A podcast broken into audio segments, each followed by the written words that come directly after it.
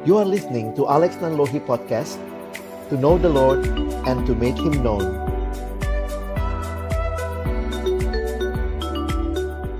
Ya, baik. Selamat malam teman-teman sekalian. Senang bisa ketemu walaupun daring ya, online seperti ini. Tuhan selalu punya cara untuk menolong kita bertumbuh. Ma- Malam hari ini, mari sebelum kita bersama-sama merenungkan firman Tuhan, memberikan juga kepada kita melihat wawasan tentang sosial media, saya ajak kita berdoa. Bapa di dalam surga, kami datang dalam ucapan syukur pada malam hari ini karena sungguh atas anugerahmu saja Tuhan, kami boleh berkumpul. Kesempatan kami akan bersama-sama belajar, sharing, saling mengasah. Biarlah juga Tuhan tolong agar melalui kesempatan ini kami pun makin melihat apa yang menjadi rencana Tuhan dengan begitu banyaknya kemajuan teknologi yang terjadi kami lihat di sekitar kami. Waktu ke depan kami persembahkan dalam tanganmu. Dalam nama Tuhan Yesus kami berdoa dan menyerahkan pembinaan kami. Amin. Ya, saya akan coba share apa yang saya siapkan. Sebenarnya ini pengantar banget begitu ya. Mungkin nanti kalau kita diskusi kali kita bisa bisa lebih dalam lagi menggali apa juga yang mungkin saya pikir teman-teman ingin pelajari, ingin ketahui begitu ya. Nah, tapi ada beberapa bagian yang saya ingin sampaikan malam hari ini dari apa yang saya pikirkan dan renungkan. Memang pertanyaan tentang atau pembahasan tentang sosial media itu menjadi hal yang sangat uh, gencar belakangan ini begitu ya. Dan saya pikir juga situasi yang terjadi dengan kita sekarang juga makin menunjukkan kepada kita bahwa sebenarnya manusia ini adalah makhluk yang berkomunikasi. Ya kira-kira seperti itu. Saya kuliah S1-nya komunikasi. Jadi waktu mempelajari fenomena manusia berkomunikasi itu itu menarik ya sosial media menjadi perpanjangan tangan atau uh, perpanjangan kehadiran manusia untuk berkomunikasi ya sehingga uh, saya pikir selama manusia adalah masih makhluk yang berkomunikasi maka sosial media atau apa pun bentuknya itu akan menjadi hal yang penting buat manusia. Nah, uh, situasi ini jadi menarik karena kita juga lihat Yesus kan pernah jadi manusia gitu ya. Jadi kalau pertanyaannya what would Jesus do in social media, mungkin uh, gambar ini jadi menarik juga waktu saya perhatikan ya. Uh, ada yang coba bikin gambar Yesus juga bersosmed seperti itu, IG, terus kemudian Facebook. Ya kita kita uh, bisa mengandaikan seperti itu karena saya melihat begini, Allah kita adalah Allah yang berkomunikasi. Jadi kalau kita belajar sejarah Alkitab, teman-teman akan melihat loh, Allah tuh sangat kreatif dalam berkomunikasi kepada manusia. Dia pakai segala macam cara. Ketika kitab Mazmur misalnya, pasal 19, Mazmur 19 ya, nomor 19 mengatakan bahwa Allah menceritakan kemuliaan Allah. Cakrawala memberitakan pekerjaan tangannya. Hari meneruskan berita itu kepada hari. Jadi, mau menunjukkan bahwa Allah menggunakan berbagai media yang ada untuk menyatakan dirinya kepada manusia.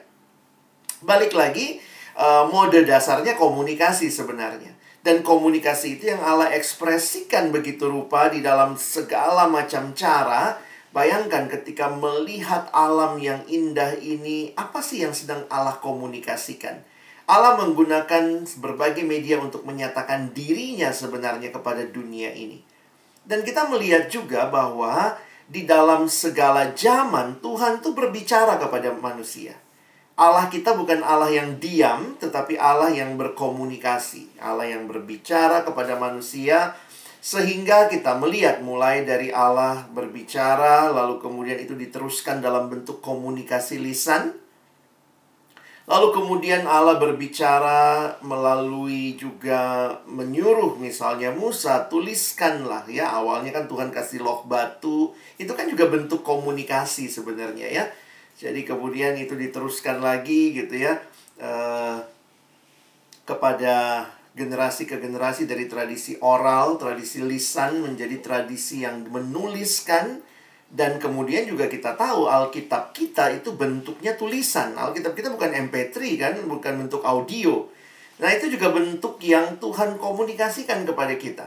Jadi sebenarnya kalau ditanya gitu ya, apakah Tuhan Yesus bakal hidup sekarang bakal bersosial media? Saya sih bisa mengatakan hampir pasti iya begitu ya. Karena segala bentuk komunikasi Tuhan sudah pakai sepanjang zaman. Kita mungkin take it for granted punya Alkitab cetak sekarang ya. Tapi coba bayangkan pada masa itu ketika teknologi printing belum ada, orang masih menulis di apa perkamen ya dari kulit kayu ataupun kulit hewan. Dan itu semua teknologi.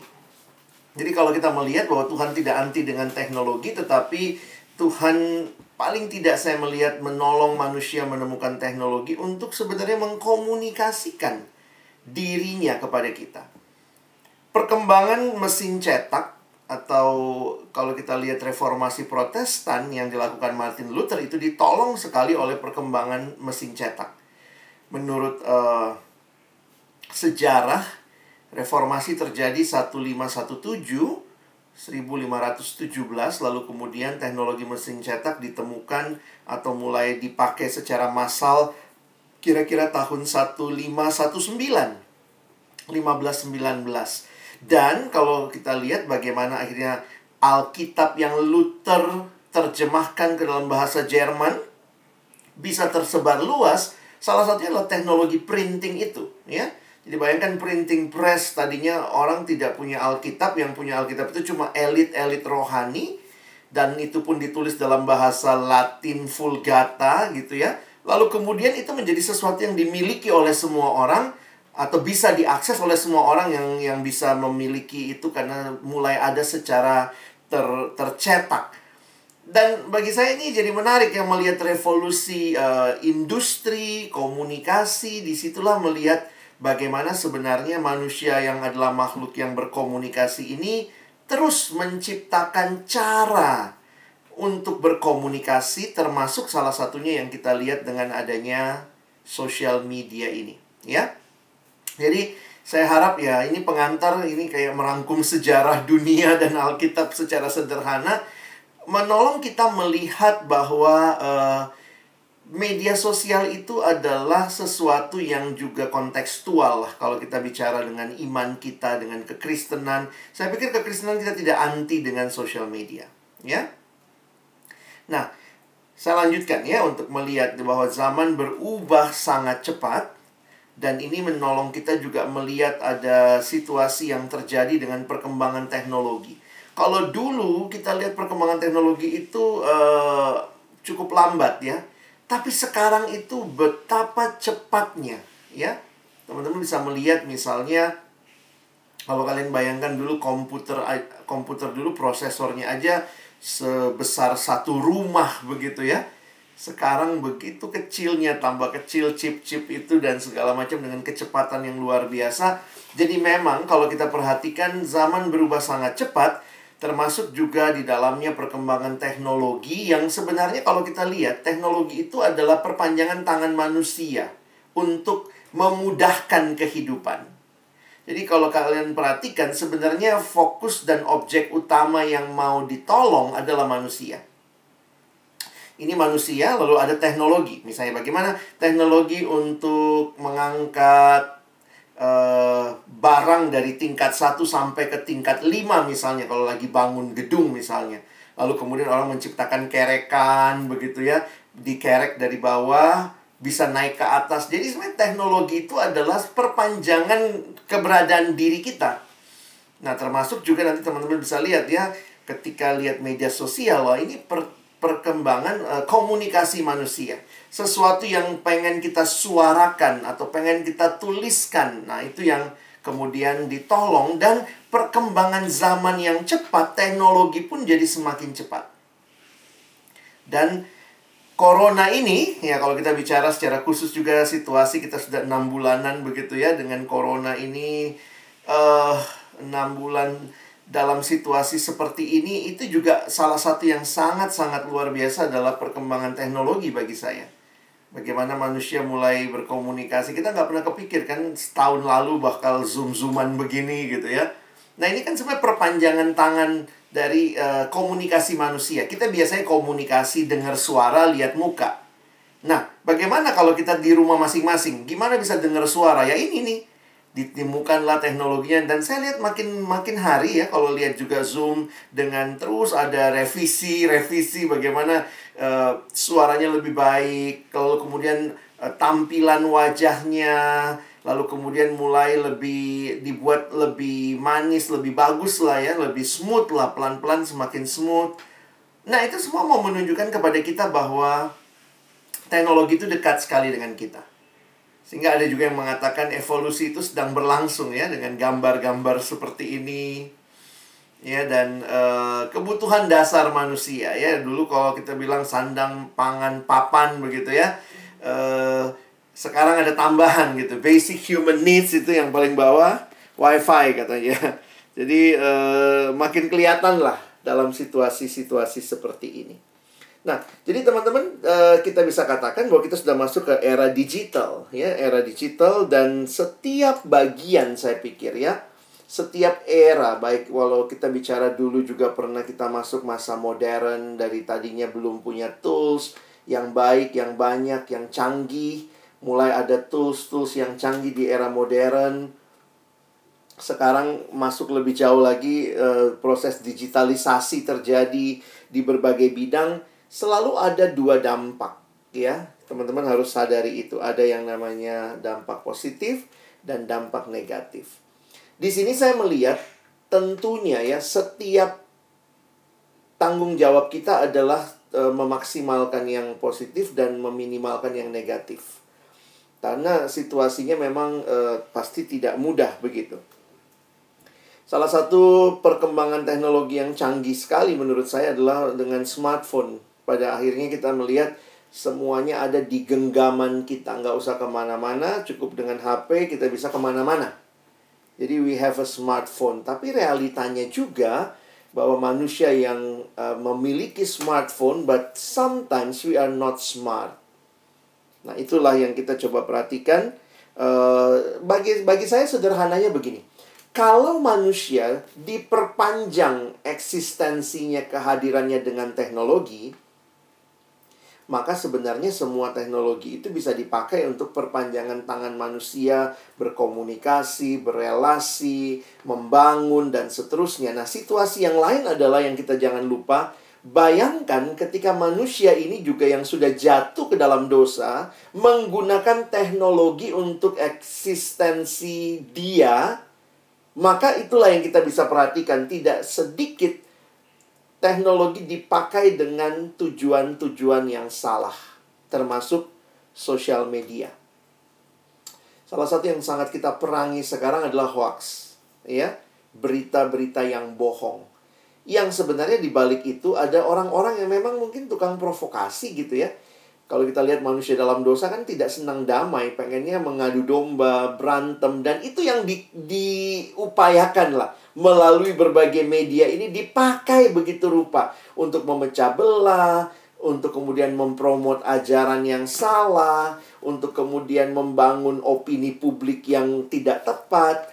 Jadi kita juga bisa melihat betapa mengerikannya memang akhirnya saya saya percaya memang ya namanya teknologi itu pasti tidak netral dalam tanda kutip begini. Awalnya waktu dicipta bisa jadi memang dia cipta untuk kebaikan. Berarti kan nggak netral dari awal memang tujuannya misalnya buat kebaikan. Tetapi kemudian di dalam seiring berjalannya waktu, maka bisa jadi tujuan yang baik itu kemudian dimanipulasi untuk tujuan yang nggak baik. Jadi memang uh, saya melihat di sinilah kita harus jeli dan peka melihat realita yang terjadi. Nah di sisi lain, saya ingin berikan data karena uh, Sebenarnya ini menarik ya kalau teman-teman perhatikan saya belum dapat data terakhirnya ya tapi saya biasanya suka ikut ini APJIII ya Asosiasi Penyelenggara Jasa Internet Indonesia. Uh, kenapa? Da, karena laporan mereka ini sebenarnya menolong melihat apa yang terjadi di setiap negara. Sebenarnya mereka juga ada di survei-surveinya dilakukan di negara lain, tapi di, di Indonesia yang bertanggung jawab itu uh, eh, APJII ini. Jadi dia tahun 2017 merilis data. Jadi sebenarnya dia secara berkala sebenarnya merilis data. Saya jujur belum cek yang 2019 harusnya sudah ada karena biasanya sekitar 2 tahun atau 3 tahun sekali ya. Nah, ini adalah infografis penetrasi dan perilaku pengguna internet Indonesia. Nah, ini menarik sekali. Saya kadang ngikutin dari beberapa tahun silam. Saya lihat bahwa uh, kita lihat yang pertama saja dulu ya. Ini yang bagian A, penetrasi pengguna internet Indonesia. Saya ingin kasih gambaran buat teman-teman bahwa kalau kita perhatikan hasil survei 2017 itu pengguna internet di Indonesia itu sudah lebih dari 50% orang di Indonesia sudah punya akses dengan internet. Jadi kalian bisa bayangkan tuh sekitar 54% itu sudah punya akses. Jadi bayangkan kalau kita punya penduduk 262 juta orang, lumayan loh. Ini 54% sekitar 143 26 juta itu sudah punya akses dengan internet. Maksudnya ya baik dia lewat HP-nya atau lewat apa kan paling nggak kita kalau pergi sampai ke daerah juga biar di daerah kecil juga itu orang udah punya HP canggih terus dapat internet juga BTS dibangun sampai ke ke pelosok-pelosok sehingga jaringan makin luas makin baik begitu ya.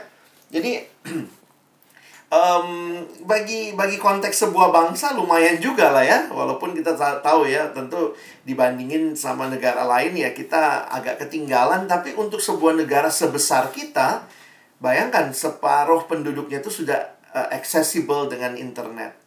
Nah ini pengguna internet berdasarkan wilayah ya kalau teman-teman perhatikan masih sih lebih besar sih di wilayah-wilayah uh, Jawa lah ya itu masih mendominasi ya Jawa itu sampai 58 persen.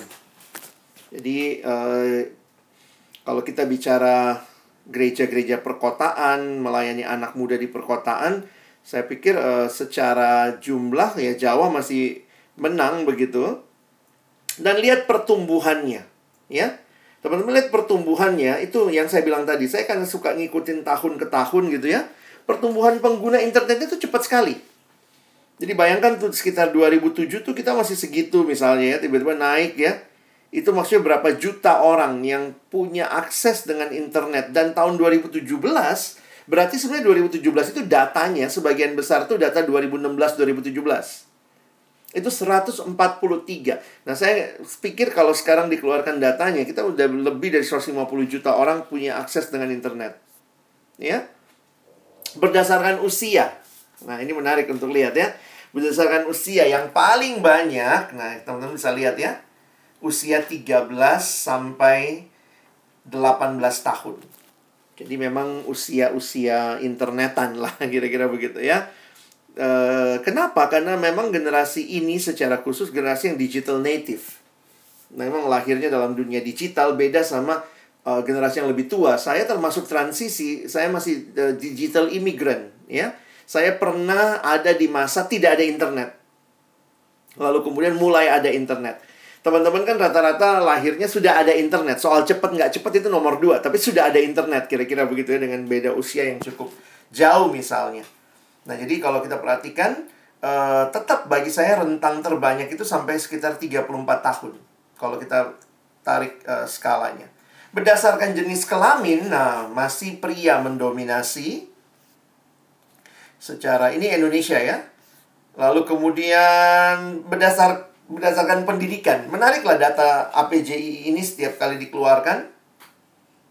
Teman-teman bisa lihat nah, menarik juga ya yang yang tingkatan S2, S3 itu lumayan.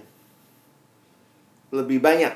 Ya, nggak tahu apa karena berkaitan sama kepintaran atau seperti apa nggak nggak nggak bisa kelihatan jelas tapi ini kira-kira surveinya nah berdasarkan karakter kota atau desa atau urban maka memang masih lebih banyak 72% itu di uh, perkotaan ya di urban nah itu uh, bicara penyebarannya, ya, bicara penetrasi pengguna.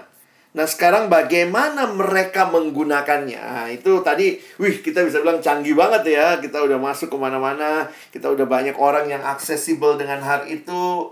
Tapi sekarang kita lihat perilaku penggunanya. Nah, ini menarik dibandingkan di beberapa negara juga. Tapi ini data Indonesia. Kita lihat perangkatnya deh ya.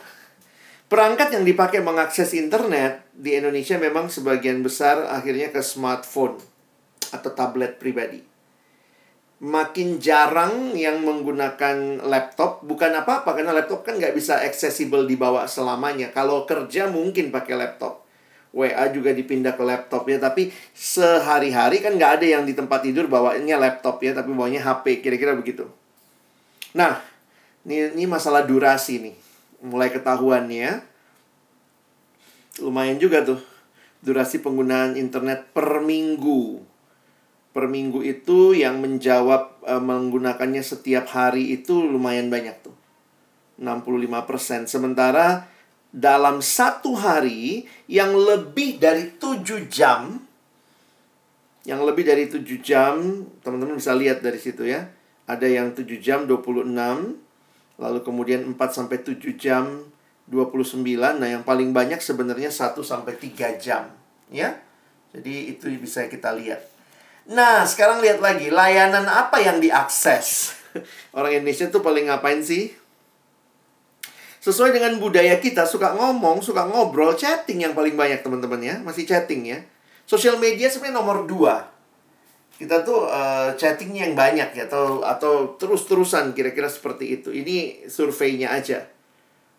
Dan lihat tuh kayak perbankan, tadi siapa tuh kerja di bank tuh cuma 7,39 persen ya.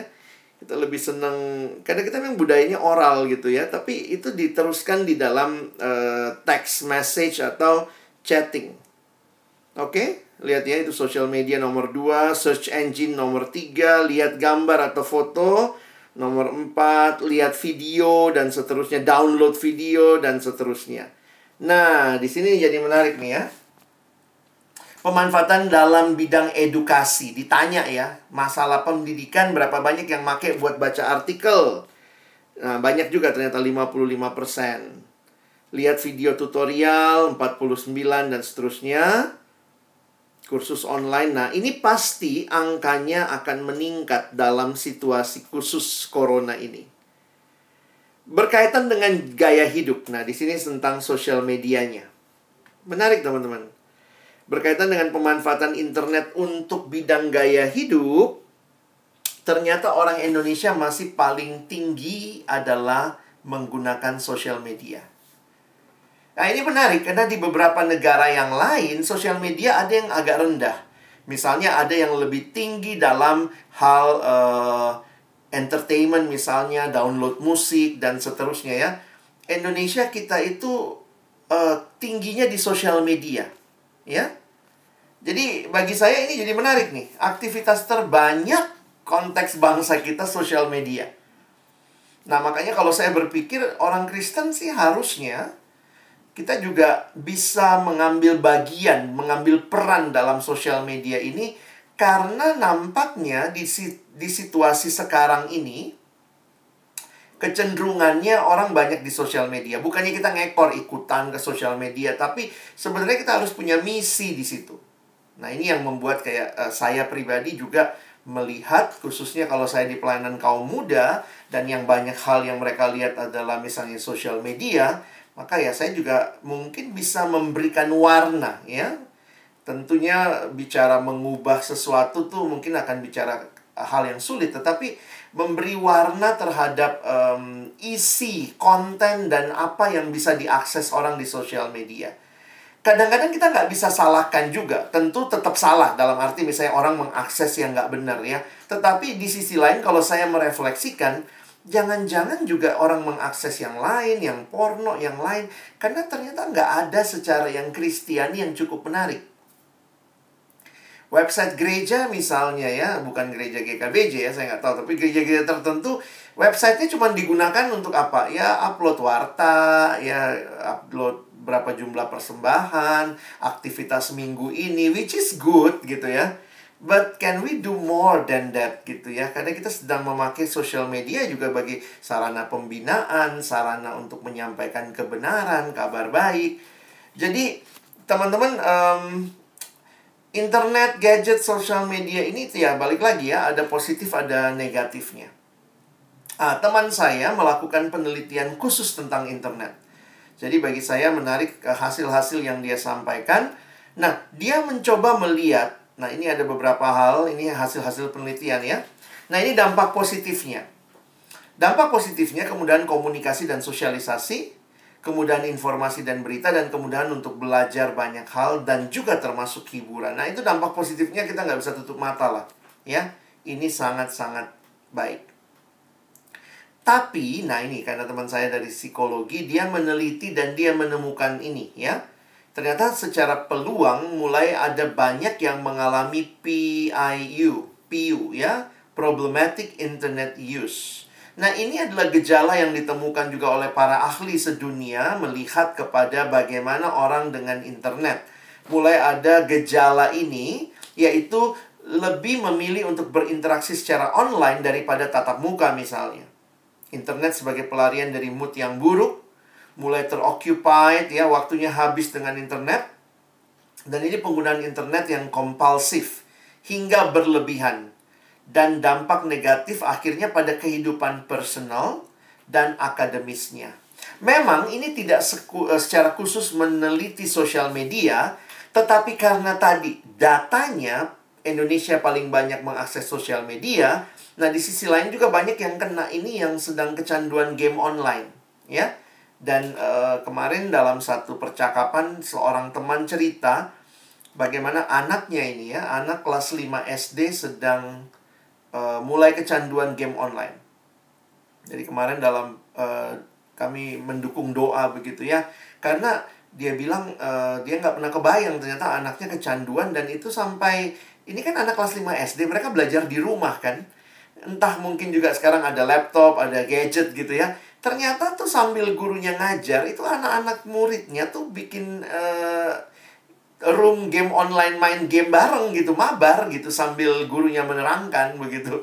Jadi unik juga saya pikir ngeri banget gitu ya bahwa internet ini yang sebenarnya bisa membawa banyak hal positif tapi mulai ada orang-orang yang mengalami ini PIU kalau itu diambil misalnya ya anak itu kalau gadgetnya diambil mulai lesu tidak bersemangat merasa diri kayak eh, nggak e, tahu mau ngapain begitu ya.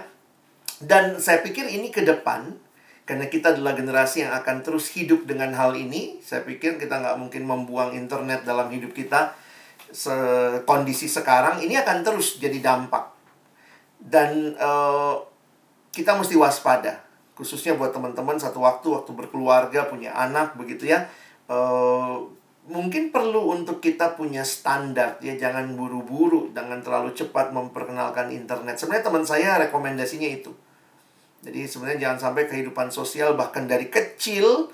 Soalnya anak sekarang tuh cara babysittingnya itu orang tuanya kasih internet kasih YouTube gitu ya.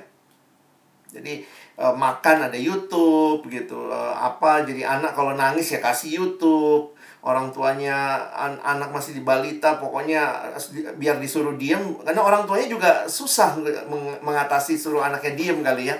Jadi akhirnya udah kasih aja dia nonton. Bahkan juga beberapa bangga gitu ih cucu saya dong. Dia udah bisa searching sendiri loh. Dia udah bisa lihat ini sendiri. Jadi memang kadang-kadang kita problematik ini sebenarnya ya. Nah situasi-situasi ini yang Uh, saya coba bukakan saja buat teman-teman dalam realita ini generasi nunduk katanya ya uh, apa-apa nunduk begitu karena semuanya ada di bawah begitu. Ini penelitian teman saya dengan beberapa hal berkaitan dengan karena dia banyak telitinya remaja pemuda ya khususnya remaja ya. Jadi dia melihat ada korelasi dengan agresivitas penggunaan game online berlebihan lalu mulai mengalami kesepian. Jadi menarik juga ya, bisa jadi temennya di internet seribu, followernya seribu. Tapi, waduh kok sepi juga gitu ya. Anak sekarang jadi kayak bosen banget, cepat bosen. Dan ini masalah gangguan kesehatan mental juga dekat ke sana.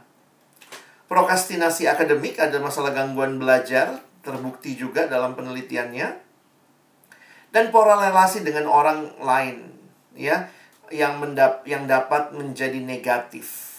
Jadi uh, mulai berpikir gara-gara scrolling satu malam nggak bisa tidur ngelihat enak banget sih dia bisa jalan-jalan gue kok enggak gitu ya.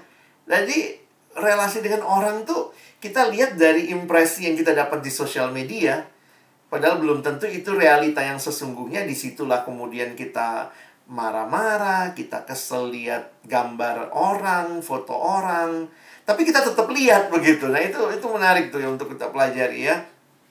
Lalu nanti masuk kepada konsumtif.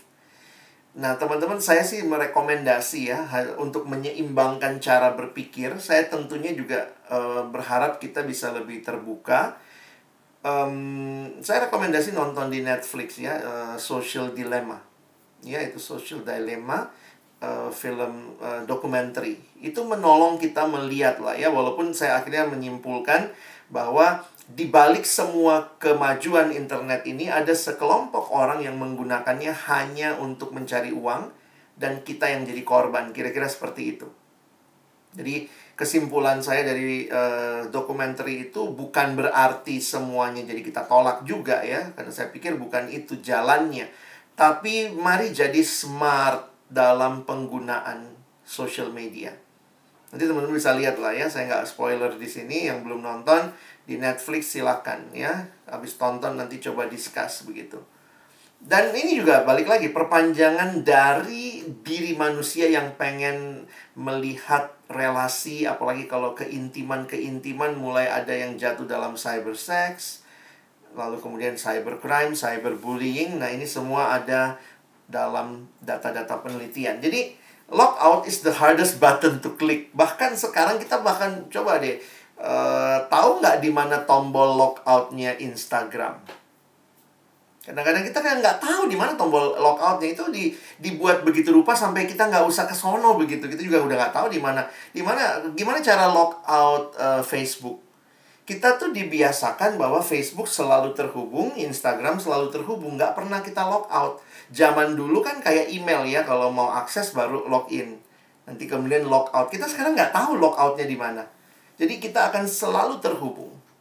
Nah sehingga uh, saya mau masuklah kesimpulan-kesimpulan yang bisa kita pikirkan. Seharusnya sikap kita bagaimana?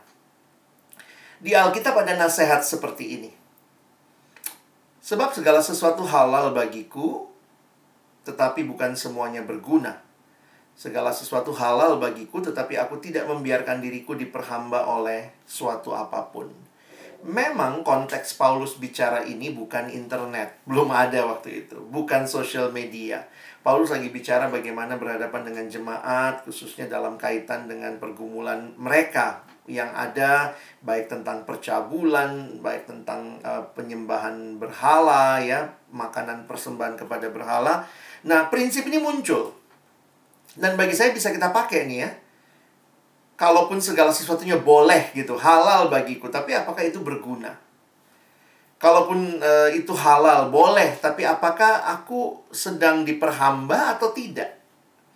Nah, di sinilah kita harus bisa membedakan apa yang berguna dan mana yang nggak berguna.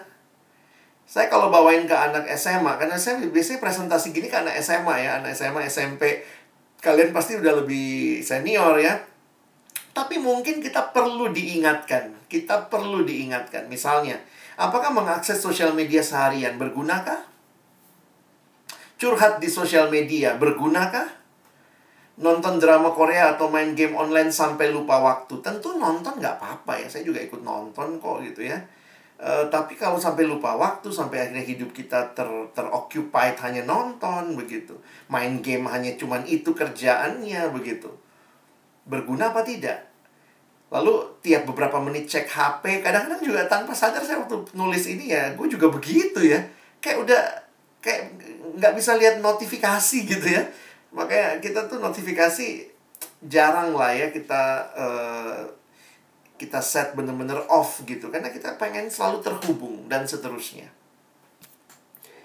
Nah, salah satu pergumulan problematik nanti adalah dalam penggunaan waktu karena memang kita hidup di dalam waktu, ya. Apakah memang kita sudah menggunakan waktu-waktu kita untuk hal yang berguna? Jangan-jangan memang kita spend waktu kita yang mungkin tadi dibilang 1 sampai 3 jam. Coba sekarang kita gabung 1 sampai 3 jam mungkin itu baru sosmednya doang. Belum nonton Netflixnya, belum nonton yang lainnya, belum lagi kerjanya dan semua itu terhubung dengan internet dan sekitarnya. Ya, hal apa yang berguna? ya mungkin ini kayaknya anak SMA banget ya kalau saya ajarin ayo download Alkitab gitu bahan renungan dalam gadgetmu tapi ini akhirnya juga saya melihat jangan-jangan juga banyak yang tidak tidak melihat ini jadi penting begitu. Saya pikir kalau kita berharap kita terus diisi oleh kebenaran firman Tuhan ya, mungkin kita juga bisa setting yang yang pop up itu ayat-ayat Alkitab begitu ya. Uh, notification sehingga kita oh cari lagi apa sih apa sih gitu ya. Nah, saya sih uh, mengharapkan teman-teman juga bisa dengan baik lah ya menggunakan um, gadgetmu ya Cari materi yang menambah wawasan kita, membuat kita makin belajar sesuatu. Tentu materi itu banyak banget, internet itu luas banget, kayak nggak bertepi begitu ya. Tapi apa sih isinya yang perlu buat kita, menambah wawasan kita seperti apa? Nah terus ini buat teman-teman yang mungkin masih merasa cukup alergi atau apa ya, coba mulailah men-sharingkan.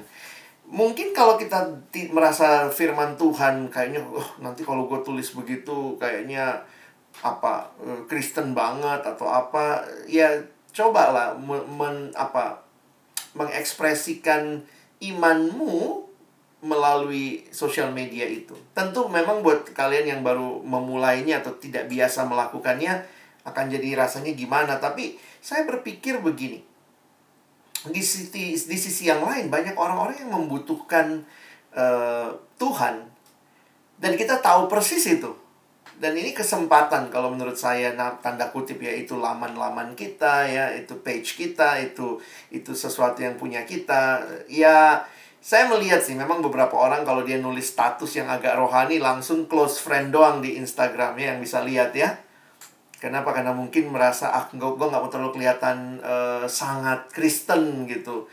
Apa pun alasannya silakan teman-teman bisa consider. Tapi saya mau mulai mau mendorong kita. Yuk kita mulai share firman Tuhan uh, ataupun pokok doa. Nah, pokok doanya jangan bukan melulu tentang kita, tapi misalnya kita menyerukan dengan situasi COVID ini, yuk teman-teman keep on praying for uh, para medik dan segala macam. Itu bukan muncul hanya di doa syafaat kalau lagi persekutuan begitu ya. Dan kita punya IG, punya Facebook, punya WA story gitu. Sebenarnya ini hal-hal yang menarik untuk kita lihat ya lalu bagiin video atau tulisan yang membangun dan lain-lain. Nah mungkin ini sedikit tips and trick aja ya yang perlu diingatkan pada kaum muda ya. Saya biasanya karena ini ke anak SMA presentasinya apa pun yang kamu bagikan kepada publik melalui sosial media akan berdampak langsung atau tidak langsung. Beberapa anak mungkin melihat ini kan inilah ini page-page gua gitu. Ini akun-akun gua gitu ya sehingga di situ mungkin dia maki-maki, dia apa gitu, dia juga mengekspresikan kekesalannya, menumpahkan emosinya. Tapi jangan lupa walaupun itu sangat pribadi, itu punyamu, tapi begitu kamu ekspresikan ke publik, itu jadi milik publik. Karena itu ada undang-undang ITE misalnya yang mengatur, kamu kesel, gue kesel banget sama si ini, kamu sebut namanya. Begitu kamu posting, bisa terjadi pencemaran nama baik. Karena itu bukan di hati ya, tapi kamu udah ekspresikan. Sehingga saya harus ingatkan hati-hati dengan hal-hal seperti ini. Ya, ya ini juga buat gereja-gereja ya, kita juga bicara uh, hati-hati dengan uh, khotbah-khotbah yang mungkin tanpa sadar kalau nggak difilter. Karena ini sekarang kayaknya semua kan khotbah online ya. Tapi jangan-jangan tan tanpa kita sadari kita nyinggung orang lain, kita nyinggung kelompok tertentu, kita menyinggung agama tertentu. Nah, itu bisa jadi bumerang. Ya, walaupun itu kan itu di website gereja kami gitu. Itu kan di di YouTube-nya gereja kami, tapi jangan lupa begitu diposting itu sudah jadi milik publik. Ya, jadi sosial media harus ada etika. Mungkin bukan masalah boleh nggak bolehnya, tapi ini masalah etikanya, ya. Karena kita ada di satu uh, ranah yang baru untuk berkomunikasi. Lalu masalah data, hati-hati dengan orang yang tidak dikenal dan informasi pribadi yang kamu bagikan di sosial media. Ya, biar bagaimana kita semua terkait dan nanti kalau sudah nonton social dilema, teman-teman bisa melihat sebenarnya memang tidak mudah. kita data kita udah terekam, apa yang kita suka, berapa lama kita melihat sesuatu, semua itu udah terekam sebenarnya yang kalau gampang sekali kita dimanipulasi, dimanfaatkan. Nah, saya suka lihat itu uh, sebenarnya banyak yang kalau anak muda lebih cerdas ya, tapi orang tua yang sering kali uh, begitu lihat sesuatu pop up diikutin, diklik begitu ya, coba mungkin mama kita atau mungkin tante kita, om kita, papa kita yang mungkin sudah berumur uh, senang sih lihat Facebook, lihat apa, tapi semua yang muncul diklik, semua yang muncul diklik gitu ya. Dan waktu diklik itu kemudian tanpa sadar mungkin ngasih nomor handphone atau apa itu jadinya sesuatu yang makin lama makin masuk ke wilayah yang tidak privat tapi mulai terbuka ke publik. Ya, bagi kita orang muda, kalimat Alkitab jelas. Didiklah orang muda menurut jalan yang patut baginya. Maka pada masa tuanya pun ia tidak akan menyimpang daripada jalan itu. Mari beri diri dididik. Mungkin kita berpikir, loh kok ini kayak malah membatasi apa yang saya suka, apa yang saya mau. Tapi jangan-jangan kalau kita tidak waspada, yang terjadi begini. Ya, kita bisa menyimpang. Makanya dari sekarang kita mesti punya balance, kita punya batasan. Secara khusus saya kaitkan sama gadget aja kali ya. Jadikan jangan jadikan gadgetmu itu sebagai Tuhan yang menguasai hidupmu. Jangan sampai engkau diperhamba oleh gadget, tapi jadilah Tuhan yang menggunakan gadgetmu dengan bijaksana. Di dalam mitologi Yunani ada dua tokoh yang menarik sekali dalam kaitan dengan cermin, ya. Kalau teman-teman lihat yang pertama itu uh, memang nggak cermin langsung ya, tapi cerita tentang Narkisus atau Narsius, Narsisius begitu ya. Dari kata itu kita dapat kata narsis. Jadi digambarkan Narsisius adalah uh, pria yang sangat ganteng. Ya, dia katanya kena kutukan dewa sih ya, sampai akhirnya dia selalu terpesona sama bayangannya sendiri. Nah, setiap kali dia mau minum dari air gitu ya, misalnya dia pergi ke danau, dia lihat bayangannya, walau dia mulai jatuh cinta kepada bayangannya. Waktu dia lihat, dia pandangin, dia mulai ajak ngobrol gitu ya, bayangannya. Dia sentuh, hilang. Air e, tersibak, lalu kemudian ih hilang. Dia tunggu bentar ya ada lagi, terus dia ajak ngobrol. Dan dalam cerita mitologi Yunani, orang Yunani itu atau orang uh, ya orang Yunani itu ngajarin anaknya pakai cerita. Lihat tuh. Si Narsisius ketika dia jatuh cinta sama bayangannya sendiri, dia akhirnya jatuh ke dalam air dan akhirnya mati. Itu ceritanya. Jadi sama orang Yunani mau ngajarin ke anaknya ketika kamu mencintai dirimu sendiri gitu ya, kamu mati. Kalau teknologi itu adalah perpanjangan diri kita, extent of ourselves. Tapi ketika kita sangat fokus kepada teknologinya, itu bisa-bisa seperti Narsisius. Melihat cermin itu, dia terjebak sama cerminnya. Dan dia kemudian mati karena cermin itu sendiri. Sementara di cerita yang lain adalah cerita Perseus yang melawan Medusa. Ya, Medusa kita tahu, cewek dengan ular-ular di rambutnya itu ya. Di mana setiap yang melihat Medusa akan berubah jadi batu.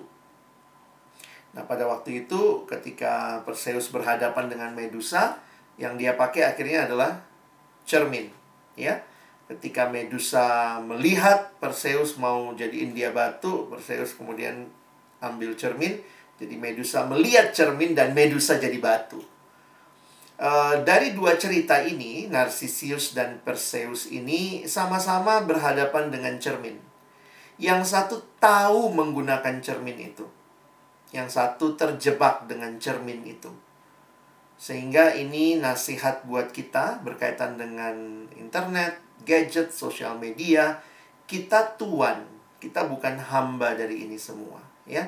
Jadi kiranya kita bisa memakainya dengan baik supaya melaluinya Mari kita berdoa, kita berjuang, bukan hanya kita diekspresikan diri kita, kadang kita posting foto kita, tapi lebih jauh lagi. Apakah akhirnya kerajaan Allah, firman Tuhan, kebenaran juga diekspresikan melalui segala hal yang Tuhan berikan buat kita, ya. Kiranya pengantar ini menolong teman-teman untuk kita juga mungkin bisa berdiskusi selanjutnya. Baik, dari saya sekian. Terima kasih. Oke, thank you Kak Alex. Teman-teman ada ada pertanyaan ini? Udah ada yang nanya atau belum? Apa? Kalau ada yang mau nanya, tanya aja langsung ya, bisa chat, langsung juga boleh. Misi. Silakan. Ya, silakan. Ya. Saya tadi dengar tadi pas dengar itu menarik ya penjelasannya. Tadi saya ada sempat surprise juga ya tadi di awal ada dibahas.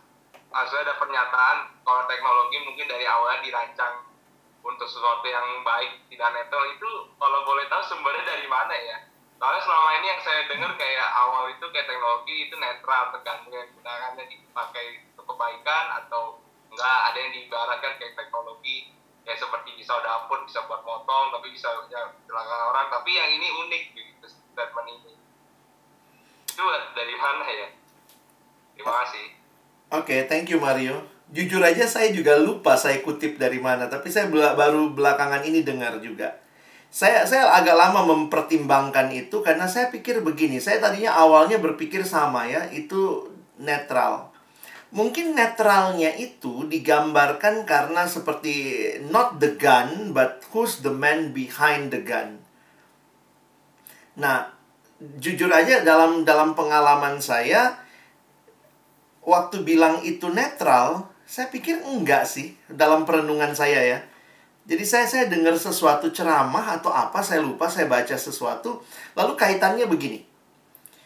Tuhan ciptakan kita sebagai manusia yang netral atau tidak? Mungkin kita bilang di Taman Getsemani, eh di Taman Getsemani, Taman Eden itu kan kita bebas mau lakukan yang benar apa yang tidak benar begitu. Tapi paling tidak bagi saya di dalam benaknya Allah yang menciptakan kita, dia menciptakan kita buat kebenaran. Jadi sebenarnya di balik penciptaan sesuatu ada tujuan yang baik. Saya sering dapat pertanyaan dari anak SMA begini. Kenapa Tuhan ciptain kita terus kita jatuh dalam dosa? Nah ini kan anak-anak SMA suka nanya iseng begitu kan ya iseng yang mendalam begitu. Kalau manusia itu bisa jatuh dalam dosa, kenapa Tuhan ciptain? Nah, pertanyaan itu membuat saya berpikir bahwa ternyata pasti nggak netral dong. Karena kalau netral, bener juga ngapain Tuhan ciptain gitu. Tapi pertanyaan lebih jauh adalah begini. Saya tanya balik. Mobil itu waktu dicipta, penciptanya tahu nggak ya bakal mobilnya bisa tabrakan? Iya sih, Oke, bisa tabrakan nggak mobil? Bisa. Tapi kenapa tetap dicipta? Jadi kan kita balik nih ya. Kalau manusia dicipta nih. Kenapa dicipta kalau tahu bisa jatuh dalam dosa? Karena penciptanya punya tujuan yang nggak netral. Dia mau kita hidup benar. Kalau kita hidup sesuai kehendaknya, itu yang dia mau. Jadi nggak netral dong kita dicipta. Bukan kita yang menentukan our goal. Not we to set the goal. Tapi the creator actually who should set the goal. Nah, jadi di sisi yang lain, menariknya pencipta mobil itu kan waktu menciptakan mobil pasti dia menciptakan supaya kalau mobil itu dipakai dengan benar bisa mencapai tujuan dengan baik. Jadi is it natural? Bagi saya enggak. Jadi ya setelah perenungan yang mendalam saya mengganti pernyataan saya uh, mungkin terkesan kita punya pilihan. Tetapi at the same time, kita mesti cari yang terdalam. Sebenarnya, pasti awalnya itu diharapkan untuk yang baik. Kira-kira seperti itu. Karena kita udah jatuh dalam dosa aja jadi begini ya. Jadi seolah-olah netral itu membuat kita seolah-olah bebas tanggung jawab. Tuh kan gue netral gitu. Tapi sebenarnya cara berpikir itu bisa membuat kita bebas tanggung jawab. Gitu kali ya, Maria. Hah? Jadi kayak relativisme nanti jatuh-jatuhnya. Iya, logikanya relativisme itu kan sebenarnya mau membuat saya nggak punya tanggung jawab. Saya kan netral gitu. Padahal kita bertanggung jawab kepada apa yang Tuhan mau bagi kita. Thank you. Iya, menarik juga. Maksudnya pernyataan ini sangat menarik gitu. Saya Ya. saya nggak kepikiran tentang ini. Cuman mungkin ada satu hal saya agak berbeda ya. Oke.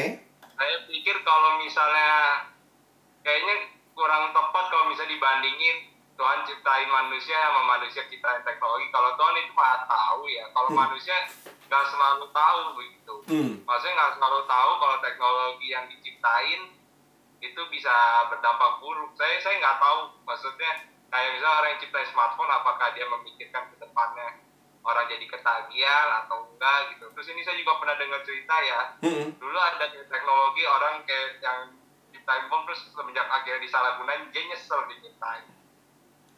Bisa juga begitu. Sebenarnya kemungkinan itu ada dalam kondisi manusia sudah jatuh dalam dosa. Pasti ada itu. Jadi kalau logikanya juga manusia jatuh dalam dosa malah nggak ada yang netral sebenarnya. Semua hasil karya manusia yang jatuh dalam dosa pasti ada tercemar dalam dosa. Cuma saya melihat doktrin penciptaan dan doktrin kejatuhan dalam dosa, manusia tuh rusaknya bukan absolut, tapi total. Jadi kerusakan total membuat manusia masih punya ekspresi kebaikan. Tetapi bukan kebaikan yang absolut. Eh, bukan kebaikan yang ultimate ya. Jadi bagi saya akhirnya mau kamu sudah jatuh dalam dosa, kamu kemudian sudah ditebus, itu menolong kamu harus melihat sebenarnya nggak ada yang netral dalam semua penciptaan. Dia bisa ciptain itu untuk hal yang buruk. Tapi dia juga bisa ciptain itu untuk hal yang baik. Karena itu adalah anugerah umum. ya Kebaikan itu jadi anugerah umum. Oke? Ya. Oke, kita ada next pertanyaan nih. Ya. Jadi, ini mau yang Koko share dulu atau... Gua gua benar. Oke, bentar. Buka Nah. Nih, jadi pertanyaannya adalah bagaimana kita harus bersikap dengan banyaknya pandangan gaya hidup yang ditawarkan melalui media sosial. Jadi tips and triknya untuk memfilter, sebagai contoh misalnya ada influencer-influencer yang sering kalau nikah beda agama nggak apa-apa, bener banyak banget kan yang kayak gini. Terus atau mengenai LGBT, jadi banyak influencer yang mensupport LGBT, bagaimana kita sebagai orang Kristen mampu memfilter pandangan budaya yang demikian. Thank you. Untuk bertahan di dalam dunia ini, saya pikir jangan langsung melihat hanya kepada apa yang menginfluence kita tanpa punya apa ya eh, pertahanan diri yang baik. Ada tiga modal yang Tuhan kasih sama kita sebenarnya. Kalau kita ingat ya, ada tiga hal yang sebenarnya Tuhan berikan untuk kita bertahan dengan segala macam influence. Yang pertama, Tuhan kasih rohnya yang kudus. Setiap kita yang sudah terima Yesus dalam hidup kita, ada roh kudus di hati kita. Roh kudus adalah pribadi Allah sendiri yang akan menuntun kita. Sesuai kehendaknya, hidup makin hari makin kudus, hidup makin benar, dituntun makin menyerupai Kristus. Jadi percayalah kita punya roh kudus yang mengingatkan kita, yang membangun kita, yang terus memimpin hidup kita. Yang kedua, kita punya firman Tuhan. Firmanmu itu pelita bagi kakiku, terang bagi jalanku. Gambaran situasi dunia yang gelap, lalu firman itulah yang menolong kita tidak tersandung. Pelita bagi kaki kita, terang bagi jalan kita. Jadi sebenarnya kalau engkau banyak melihat influence yang diberikan oleh para influencer, maka harusnya filternya jelas apa kata Alkitab, bukan apa kata influencer. Makanya saya juga mendorong sebenarnya ya, ayolah posting hal-hal yang bisa membuat orang melihat apa kata firman Tuhan. Karena orang Kristen gitu sih ya, tanpa sadar kita bersembunyi di balik kekristenan kita, kita malu, kita takut. Padahal kita punya, we have the influence. Tuhan bilang kamu tuh garam dunia, kamu tuh terang dunia. Kita born in Christ as an influencer. Coba ingat, apa tujuannya garam? Apa tujuannya terang? Memberi pengaruh. Jadi kalau yang lain berusaha jadi influencer, kita itu waktu diselamatkan, kita disuruh, kita sudah jati dirinya influencer. Nah, kita mesti influence dunia ini dengan apa? Dengan nilai kebenaran. Makanya jangan posting lalu kemudian cuma close friend yang bisa lihat. Lucu gitu ya. Kadang-kadang saya mikir, what is that for? uh, ya sorry ya, mungkin kita beda pendapat di sini, tapi maksudnya saya lagi melihat begini. Kalau di tempat-tempat itu begitu banyak influence yang tidak sesuai firman, di mana gereja? Di mana orang Kristen? Walau bicara gereja bukan institusinya ya. Kita sedang kasih influence apa? Jadi jangan salahkan dunia menginfluence anak-anak remaja pemuda kita tanpa kita juga memberi influence gitu ya. Jadi sisi yang lain bagaimana firman Tuhan. Dan yang ketiga kita punya komunitas. Ini tiga modal yang Tuhan kasih. Rohnya yang kudus, dia kasih firman, dan dia kasih komunitas yang sama-sama berjuang hidup benar, hidup kudus. Jadi kalau ada sekian banyak orang dengan influence itu, yuk kita bikin juga komunitas yang mungkin nggak mesti sebesar itu. Tapi paling tidak ada orang-orang yang tidak mau hidup dengan nilai-nilai influencer itu. Sekarang kayaknya gampang banget ya. Menikah atau apa uh, hamil duluan sebelum nikah nggak apa-apa. Yang penting tanggung jawab. Is that Christian? Is that biblical gitu ya? Dan itu kayak di ya seperti yang teman-teman bilang LGBT lah kayak kita mesti menerima, kita harus toleran, ini hak asasi kalau hak asasi, jangan-jangan kita sendiri nggak ngerti apa itu hak asasi ya. Karena hak asasi membuat kita melepaskan diri dari pencipta kita, itu bukan hak asasi. Kita bukan makhluk yang independen. Diciptanya aja menunjukkan kita bergantung kepada yang mencipta. Jadi, teman-teman jangan takut dengan influencer, tapi belajarlah menghidupi statusmu sebagai influencer yang sudah Tuhan kasih. Nah, di situlah kelihatan postinganmu mungkin, jadi saya suka berpikir begini, apa yang ada di hati itu kan yang kita ucapkan. Kadang-kadang kalau nggak muncul di hati, nggak muncul di ucapan. Tapi kalau begitu, kalau nggak muncul di postingan, jangan-jangan juga dia nggak kepengen menyampaikan itu. Kira-kira seperti itu ya. Walaupun tentu pasti kita punya concern beda-beda ya. Saya misalnya nggak terlalu suka dengan polemik orang berdebat gitu. Saya pikir saya memberikan uh, ini aja, ini pendapat saya jadi itu sesuatu yang I state bukan uh, mengcreate polemik. Tapi ada orang-orang, ada teman-teman saya beberapa youtuber Kristen itu memang seneng dia mengangkat itu sebagai isu yang mencerahkan kita. Saya pikir ya setiap orang dengan panggilannya, yuk bersaksi di dunia uh, medsos ya. Oke, thank you Alex. Oh nih ada pertanyaan lagi. Salah nggak punya perasaan ini FOMO apa ya? Fear of missing out. Baru dengar. Makanya selalu update lewat sosial untuk mengatasi hal tersebut. Oh oke. Okay. Uh, nah ini sebenarnya begini ya. Mungkin kalau teman-teman tertarik nanti bisa cek juga uh, um, beberapa waktu yang lalu saya sempat ngisi juga dalam satu nanti saya lupa ya persisnya oh ada di di YouTube salah satu di YouTube-nya Perkantas, Perkantas Jawa Timur, saya waktu itu mengisi bersama dengan Christopher Tapiheru, kita bicara tentang mengapa melayani di media sosial lah. Nah, yang menarik bagi saya sebenarnya begini, dalam percakapan kami ini bicara motivasi. Apa sih motivasinya kita bersosmed? Nah, poinnya adalah uh, kalau motivasi-motivasi yang tanda kutip ya uh, fear of missing out. Sorry, suaranya udah kedengeran? Iya. Oke. Okay.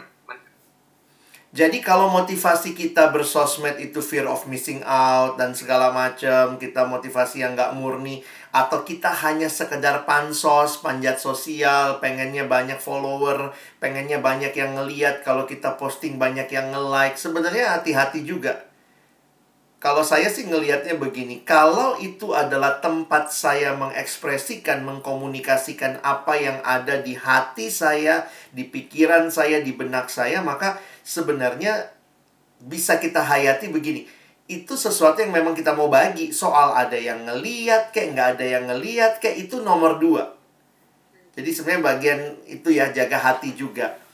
Uh, kita juga mesti saya saya mendorong juga kali ya buat teman-teman yang mungkin juga sudah kecanduan gadget dan medsos mungkin juga kita karena kita orang Kristen gini ya we know the limit kamu yang tahu limitmu seperti apa jangan-jangan nasihat bagi teman-teman saat ini adalah bukan bukan meneruskan sosmedmu dulu tapi mungkin saya bilang coba puasa sosmed tiga hari. Mungkin bisa begitu. Karena masalahnya adalah ini bukan masalah saya kalau nggak sehari sehari pun nggak nggak posting nanti saya nggak nggak apa nggak catch up dengan yang lain atau apa. Bukan itu sebenarnya bukan. Saya membiasakan diri sebenarnya uh, posting tiap hari tapi postingnya tiap hari pun uh, ya yang pasti yang saya posting itu adalah saat teduh apa yang saya baca saya cuma copy paste saja saya share ternyata beberapa orang melihat dan kemudian Nah, tapi kalaupun nggak ada yang lihat, itu kan apa yang saya nikmati dengan Tuhan, istilahnya begitu. I just want to share. Jadi uh, kiranya juga bermedsos gitu ya, teman-teman jaga motivasi juga supaya nggak ini ya, nggak kecewa kita udah posting udah bagus-bagus, udah lama di kanvain lama-lama gitu ya, di kanva kiri kanan gitu. Eh, yang nge-like dua. Wah, itu itu balik lagi ngapain sih kita posting? Nah, kalau kita posting adalah ini yang I I uh, I really enjoy with God, dan kalau nggak ada yang lihat, Tuhan ngelihat kok, gitu kira-kira. Betul. Oke. Ini tadi ada satu pertanyaan lagi ya. Iya. Boleh. Nah, oke. Oh, banyak nih. Jadi ini pertanyaannya sekarang ini kita sering banget pakai sosial media sehingga bisa mempengaruhi kita. Bahkan kita bisa tinggal di lingkungan dengan sosial media yang kita emang harus tinggal di lingkungan itu. Contohnya, sekarang lagi online school, mau nggak hmm. mau kita bikin grup kelas. Nah pertanyaannya, gimana sih biar kita nggak terpengaruh dengan pengaruh buruk dari sosial media? Misalnya di grup kelas itu pada sering ngomong kasar, otomatis kata-kata kasar tersebut akan terekam di otak kita sehingga kita ngedengernya jadi ya udah biasa aja gitu Nah kalau konteksnya kayak gitu kita harus kayak gimana? Live group atau tetap dalam grup tapi nggak usah baca atau kayak gimana? Wah. Thank you ya. Uh, ini pertanyaannya bagus sekali, sangat real ya. Kalau kalau saya lihatnya begini tadi yang tiga hal itu ya, teman-teman harus hidup dalam tiga hal itu. Di dalam situasi hidup, sering kali Tuhan akan kasih kamu hikmat pada waktunya. Kadang-kadang nggak bisa saya bilang left group itu. Kalau kamu hidup dalam pimpinan Roh Kudus, dibimbing oleh firman, dan kemudian kamu punya komunitas, bisa jadi kamu tetap di situ. Knows? Nggak apa-apa, tetap di situ. Tapi kemudian kamu yang memberikan pengaruh positif. Kalau dia bisa begitu rupa menginfluence kata-kata kasar, kadang-kadang saya mikir kenapa kita nggak jadi influencer di grup itu dengan kata-kata yang baik ya. J jangan apa ya istilah Alkitab jangan jangan kalah dengan kejahatan. Tapi kalahkanlah kejahatan dengan kebaikan. Itu kalimat Alkitabiah. Jadi kadang-kadang kita ngelihat gini, kalau dia ngomong kasar kayaknya acceptable, semua terima. Terus kemudian kita jadi kayak Terus kalau gue ngomong bener nggak boleh ya? Nanti takutnya nggak diterima. Sebenarnya aku pikir justru di situ challenge buat kita. If you stay in that group, then you will give the positive influence.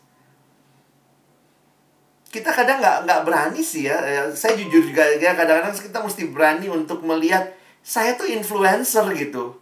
Tapi poinnya adalah kamu mau bawa influence apa? Kalau ternyata ketika kamu dengar influence yang kasar aja, kamu langsung keluar dari grup, so what is your influence? Kira-kira pertanyaan saya seperti itu. Ada kalimat yang menarik buat saya merenungkan garam dan terang. Tuhan nggak bilang kamu adalah garam dunia. Eh, sorry, Tuhan nggak bilang kamu adalah garam. Tapi Tuhan bilang kamu adalah garam dunia. Tuhan nggak bilang kamu adalah terang, tapi kamu adalah terang dunia. Jadi sebenarnya kalimat Yesus itu menyiratkan konteks di mana teman-teman dan saya mesti hadir. Kamu tuh garamnya dunia. Kamu tuh terangnya dunia. Di situ kamu mesti menerangi. Nah, coba pikir kalau ada yang ngomong kotor, ngomong kasar, terangmu apa? Apa apa? How can you live out a life that will influence other with your light gitu? Ya mungkin ya tentu ya kita nggak buka forum jadi berdebat gitu ya Islam Kristen apa Kristen sama Kristen yang taat sama Kristen yang nggak taat. Bagi saya ya just live out your real life. Beberapa kali saya bilang juga sama anak SMA ya cobalah belajar melawan tanda kutip ya. Misalnya ini ini contoh aja ya. Dulu tuh saya paling nggak seneng dibilang sok kudus Karena begitu bilang sok kudus langsung saya jiper gitu. Karena tahu juga hidup saya belum kudus-kudus amat. Tapi ketika kita berbuat kebenaran dikit, langsung orang bilang sok kudus, sok kudus. Terus kita kayak tertekan sama istilah itu. Sebenarnya kan kita udah jadi influencer ya. You have been influence sampai dia bilang lu sok kudus. Yes gitu ya.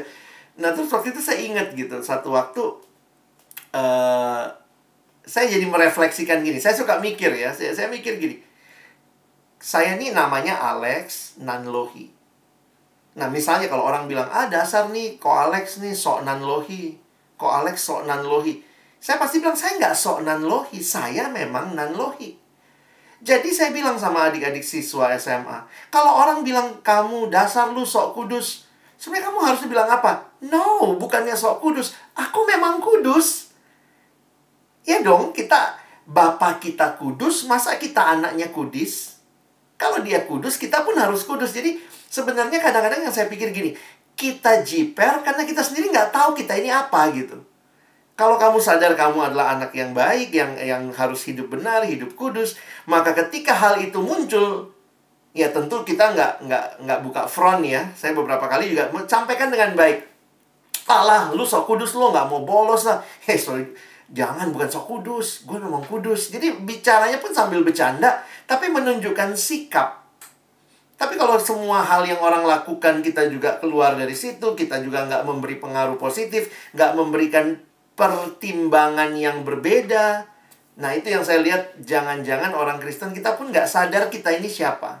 Mungkin itu. Oke, jadi kita next ke pertanyaan selanjutnya. Okay. Tapi kalau tadi sorenya agak mendem nih. Yang... Jadi mendem, oh, okay. mendem, nggak gitu sekarang udah? Sorry, sorry. Saya pakai... Masih, masih mendem. Sebentar.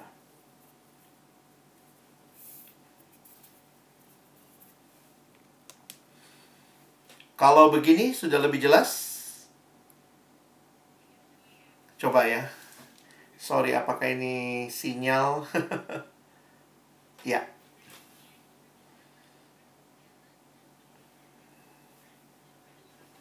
Mm -hmm.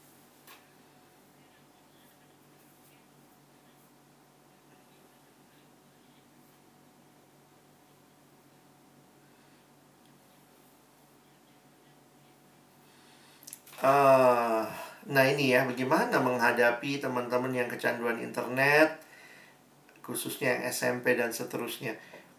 Hmm, saya jujur aja masih juga cari cara ya, karena bagi saya begini, hmm, ini generasi yang nggak bisa lepas dari internet juga, secara belajarnya lewat internet, kelas online semua, jadi caranya mungkin nah ini di setiap keluarga tuh beda-beda.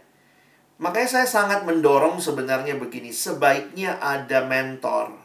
Atau buat kita yang teman-teman di GKBJ kan biasanya punya kelompok kecil ya. Itu tuh satu satu cara Tuhan yang efektif menolong kita. Uh, baik banget kalau ada grup yang seperti itu jadi ada teman-teman, komunitas yang saling berbagi, saling mengingatkan dan kadang-kadang begini ya.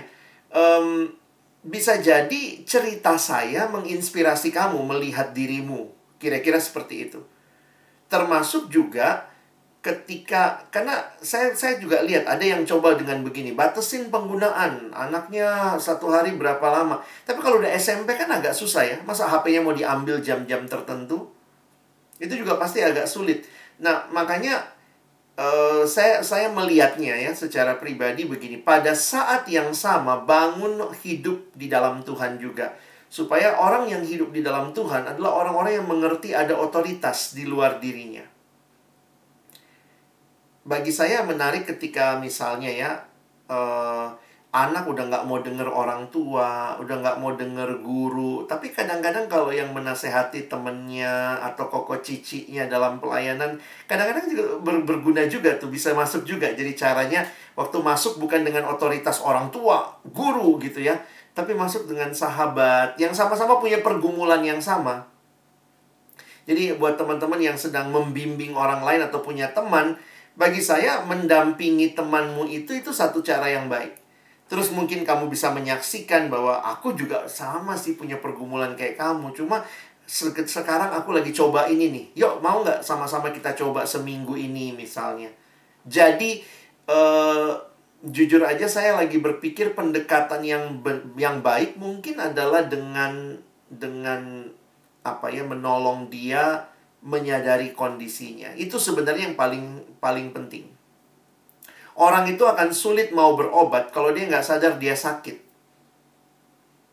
Itu kan uh, teori membimbing orang.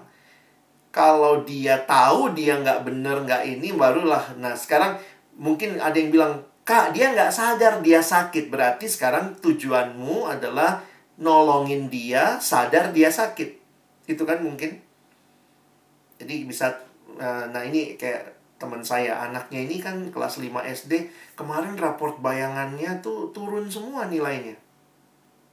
Nah di situ langsung dia bilang nih ini udah masalah nih gamenya ini udah masalah. Turun semua gitu ya. Jadi kadang-kadang kalau uh, yang sadar itu kan biasanya yang beginian orang tuanya atau apanya. Nah anaknya nggak sadar. Nah ini yang kita mungkin menolong dia sadar lu mau kayak begini nih Nah, itu yang aku pikir teman-teman sebagai koko cicinya juga mungkin kalau melayani ke remaja akan sangat berguna ya jadi penolong ya. Mungkin begitu dulu. mm -mm. Mm -hmm.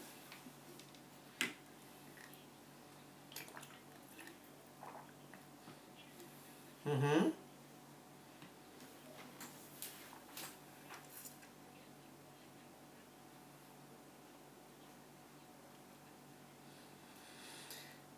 Iya, nah ini ini memang pergumulan yang nggak mudah juga karena apa yang kita posting orang itu bisa terserah dia nanggepinnya. Kita nggak bisa ngontrol orang itu berpikir apa. Beberapa orang bahkan berantem gara-gara dia posting sesuatu yang satu baca dia pikir itu tentang dia. Nah itu, itu susah banget tuh. Jadi memang kalau saya melihat begini ya, kalau teman-teman misalnya bagaimana nih kalau dia punya hubungan beda agama dan bagaimana, um, mungkin kalau nasihat saya sih pinter-pinter postingnya. Misalnya postingnya beberapa kali kalau saya misalnya lihat itu hal yang benar, jadi ketimbang saya jadi gini ya, jauhkan memang sikap penghakiman. Kita kan nggak lebih baik dari orang lain. Kita jangan menghakimi. Tetapi bisa dong saya men men menyatakan kebenaran. Nah, menyatakan kebenarannya seperti apa ya? Mungkin saya langsung kutip ya. Yesus berkata gitu ya.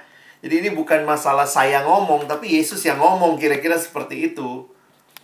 Nah, kalau itu pun dianggap uh, takut gitu ya, dianggap perang, saya pikir sih teman-teman harusnya punya cara lah ya. Kalian kan yang paling tahu bagaimana menggunakan sosmedmu, bagaimana menggunakan atau bahkan bagi saya begini.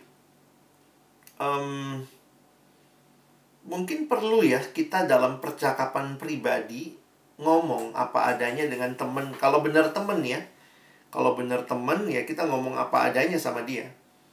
Jadi poinnya jangan juga sekarang soalnya generasinya kayak begini ya. Kadang-kadang saya merasa sudah ngomong sama dia karena saya tulis di medsos saya. Dan saya lihat dia lihat. Jadi satu waktu kan saya diundang ke satu gereja lalu kemudian waktu itu gara-gara dalam satu kepengurusan itu berantem gara-gara status di sosmed. Karena yang satu bilang gini, iya gue udah negur dia. Jadi di rapat pengurus yang satu ngomong, iya gue udah negur dia tuh. Oh gitu, terus ditanya lah sama pembimbingnya, lu negurnya gimana? Gue udah tulis di sosmed gue. Dan gue lihat dia lihat. Nah, masalahnya kamu tuh nggak ngomong langsung, kamu tulis di situ. Bisa juga kalau dia lagi positif mikirnya, dia nggak tahu bahwa dia yang lagi disindir gitu. Nah, kadang-kadang di sosial media ini kita banyak berasumsi. Asumsi itu adalah begini, saya berpikir dia seperti ini. Nah, itu asumsi. Hanya ada di pikiran saya, tapi belum tentu di pikiran orang. Makanya cara mengatasi atau cara membuat tidak banyak asumsi, kita harus komunikasi. Komunikasi itu adalah upaya mengurangi asumsi. Jangan cuma jadi jago sosmed. Kalau itu memang benar temanmu, kamu perlu ngobrol pribadi dengan dia, ingatkan dia. Jadi bukan masalah ngajak perang di sosmed, sosmed tapi dalam relasi sehari-hari itu tanda kutip kita mau nggak membawa dia dalam perdamaian. Misalnya, eh, gue pengen ngomong sebentar dong. Gue tahu nih pasti sulit buat lu ya putusin pacar lu yang beda agama. Ya gue akan dukung doa, tapi gue cuma inget Tuhan ngomong kita harus berpasangan dengan sesama orang percaya jadi kita nggak sedang menghakimi. Lu putus nggak? Kalau lu nggak putus, lu berhenti jadi teman gue. Bukan itu. Tapi kita tahu itu nggak mudah. Kita aja kalau kecanduan hal tertentu juga nggak mudah kok keluarnya. Dan kita secara empati mengatakan, I will pray for you. Will you join with me? Kalau dia bilang, gue nggak suka lu campurin hidup gue. Ya minta maaf, tapi gue pikir gue harus lakukan ini sebagai sahabat. I will pray for you. Nah ini memang generasi yang kita mesti sadar ya Makin lama kita seperti ini Sosmed itu bisa jadi tempat kita bersembunyi dari Kerinduan menegur Kerinduan untuk memberikan dorongan. Jadi semua itu rasanya Kalau saya udah buat di sosmed Udah, udah bebas, udah beres. Mungkin itu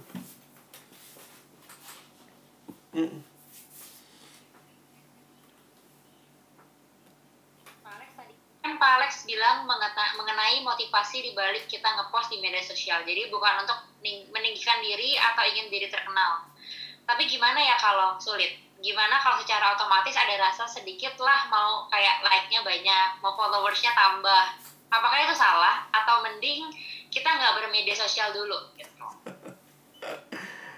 Oke, okay.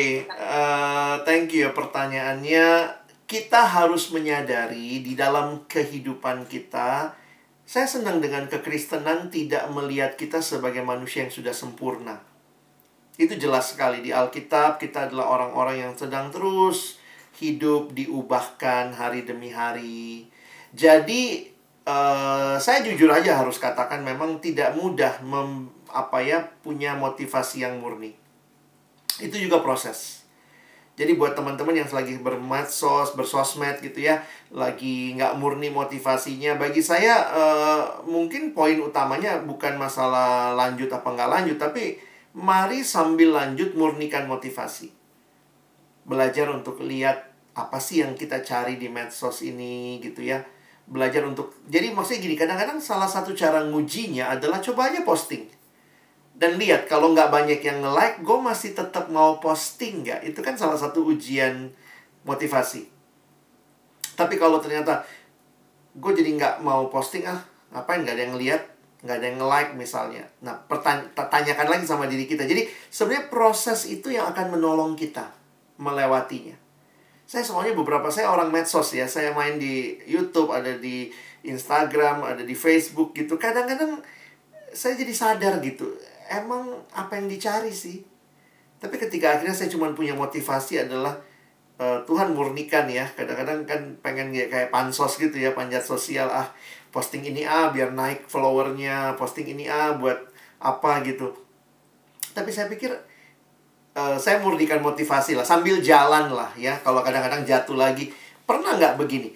Kita udah nyiapin bagus banget, kita pikir pasti postingannya banyak yang nge-like. Eh, ternyata nggak ada Sementara kita posting cuman ya elah, posting receh banget buat kita. Ih, kok ada yang nge-like? Thank you ya, Kak.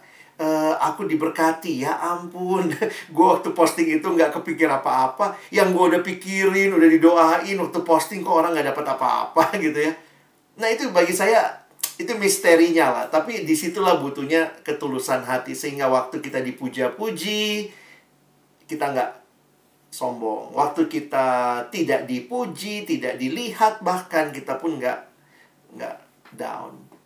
Jadi keep on bermedsos ya dan terus murnikan hati daripada karena bagi saya begini loh, kamu tinggalin itu terus nanti siapa yang mengisi ruang-ruang itu gitu. Bagi saya paling tidak walaupun motivasimu masih belum murni-murni amat, tapi kalau yang kamu posting adalah sesuatu yang berdasarkan kebenaran, keluar dari hidup Kristenmu yang sedang terus bertumbuh, ah, itu pasti pasti at some point will be a blessing for others.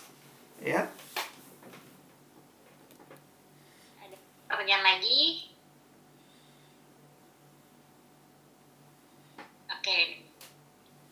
Jadi semenjak pandemi susah banget buat ketemu orang. Jadi susah buat connect sama orang karena terbatas ya. Gimana cara untuk membangun real connection dengan sesama terutama di waktu yang sekarang? Karena tadi Bang Alex mention ada orang yang banyak temennya teman online-nya tapi tetap merasa kesepian atau disconnect. Gitu. Oke. nah, saya lihatnya begini. Sebenarnya jumlah sahabat teman di dunia maya itu itulah teman secara list. Ada sekian orang yang ngikutin kamu.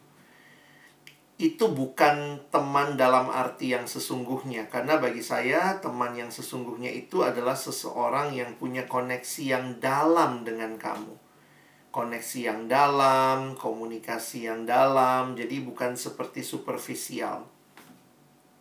Karena itu, uh, saya tetap meyakini ini bukan masalah online atau offline.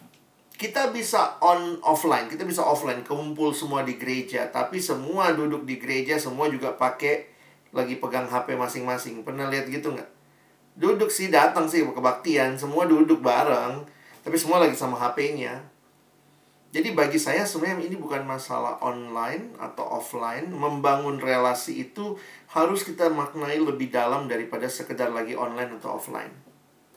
Nah, eh, kalau saya ngelihatnya, memang kan ini juga realitas sosial yang jelas. Tidak mungkin kita bersahabat mendalam dengan semua orang. Itu mah nggak mungkin follower banyak emangnya bisa bersahabat enggak juga jadi kadang-kadang di situlah kita mesti masuk lebih dalam melihat relasi itu harus dibangun jadi ada orang-orang yang Tuhan hadirkan mungkin bersama kamu nah saya jujur aja sangat melihat itu ada di kelompok kecil sih kalau bisa sih karena kan kita memang nggak bisa bersahabat dengan semua orang. Paling nggak kamu punya teman-teman di kelompok kecil yang kepadanya kamu bisa sharing, bisa saling mendoakan, bisa saling membangun, saling menerima masukan.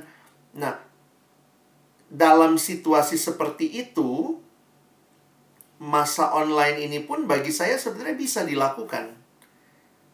Jadi misalnya ya calling, ngobrol, jadi, uh, nah saya saya kasih beberapa tips juga kepada pemimpin kelompok kecil ya, pemimpin KTB begitu saya bilang sama mereka. Kadang-kadang kan sekarang ada grup WA KTB atau grup lain KTB kita. Saya bilang sama mereka dalam situasi online seperti ini, pandemi seperti ini, jangan cuma belas something di grup. Kadang-kadang gitu ya, selamat pagi. Oh, rasanya saya sudah menyapa seluruh dunia. Kenapa? Saya kan udah bilang di grup tapi mungkin secara pribadi pribadi ke adik yang ini kepada teman ini eh apa kabar lo? Lu ada yang mau didoain nggak? Itu bagi saya connection ketimbang cuma sekedar di sebuah grup yang mungkin cuma satu arah informasi yang satu eh si ini lagi sakit ya jangan lupa doain ya. Udah selesai. Tapi kita nggak ada deep connection makanya one on one itu bagi saya jadi komunikasi yang penting. Dan itu bisa dilakukan saya melakukan itu dengan beberapa teman juga karena saya lihat gitu ya uh, saya sering posting saya sering apa di medsos tapi kan the real friendnya nggak selamanya. Beberapa orang sih misalnya tiba-tiba kak thank you ya postingannya boleh nggak saya cerita? Oke okay lah dia cerita kak bisa minta doain saya? Oke okay, saya doain. Tapi ada orang-orang yang juga mungkin secara mendalam secara rutin kita memang membangun relasi dengan dia ya teman kelompok kecil kita kah, pemimpin kelompok kita, adik kelompok kita, atau mungkin ada koko cici yang kita secara rohani respect sama dia, ya kita bangun komunikasi. Nah itu yang saya lakukan dengan orang-orang yang saya nggak nggak saya langsung bimbing sih, tapi ada beberapa orang yang kayak Tuhan hadirkan gitu ya. Beberapa mulai dari tanya-tanya ya dulu dulu nanya-nanya kak bagaimana gitu tiba-tiba jadi deket waktu jadi deket terus saya bilang e, nanti gue telepon lu ya terus ya kita telepon ngobrol saya doain dia. Dan akhirnya itu jadi kayak semacam uh, rutin ya tiap dua minggu sekali kita uh, teleponan kita ngobrol kita saling doain gitu. Walaupun kami ada di satu grup yang lain bersama-sama dengan sekian banyak orang tapi deep connectionnya itu terjadi waktu relasi pribadi ya. Jadi please jangan give up on uh, having a, a real connection during this time. Justru ini kesempatan gitu. Next pertanyaan lagi, oke okay, nih. Ingatin lagi ya buat teman-teman kalau masih ada pertanyaan bisa langsung chat ke Pak Markus. Oke, okay, next pertanyaannya, bagaimana menanggapi orang yang eksis, exit banget di sosial media, tapi pas ketemu orangnya diem? Berasanya kayak ada dualisme di dalam satu orang. Apakah sebenarnya karakter aslinya itu yang di sosmed atau pas ketemu itu lain? Oke oke ini ini real banget. Thank you ya pertanyaannya ya. Em, satu satu gereja ngundang saya, lalu kemudian waktu itu adalah tentang membahas kriteria pengurus. Jadi mereka lagi mau cari pengurus remaja, pengurus pemuda lah ya. Mereka mau cari pengurus pemuda, lalu kemudian mereka lihat lah. Biasa kan selama ini kita lihatnya pengurusnya harus rajin kebaktian, harus anaknya baik ya, eh, ramah sama orang begitu ya. Eh terus ada pertanyaan mirip pakai begini nih. Kak, penting nggak ya salah satu kriteria pengurus adalah apa postingan dia di medsos? Karena dia ngelihatnya gini. Ini orang tuh kalau di medsos kak ya, dia tuh begini, begini, begini, begini. Jadi ada sisi-sisi yang waktu yang dalam dalam penampakan kriteria pengurus yang selama ini konvensional, dia masuk semua tuh. Baik, rajin datang.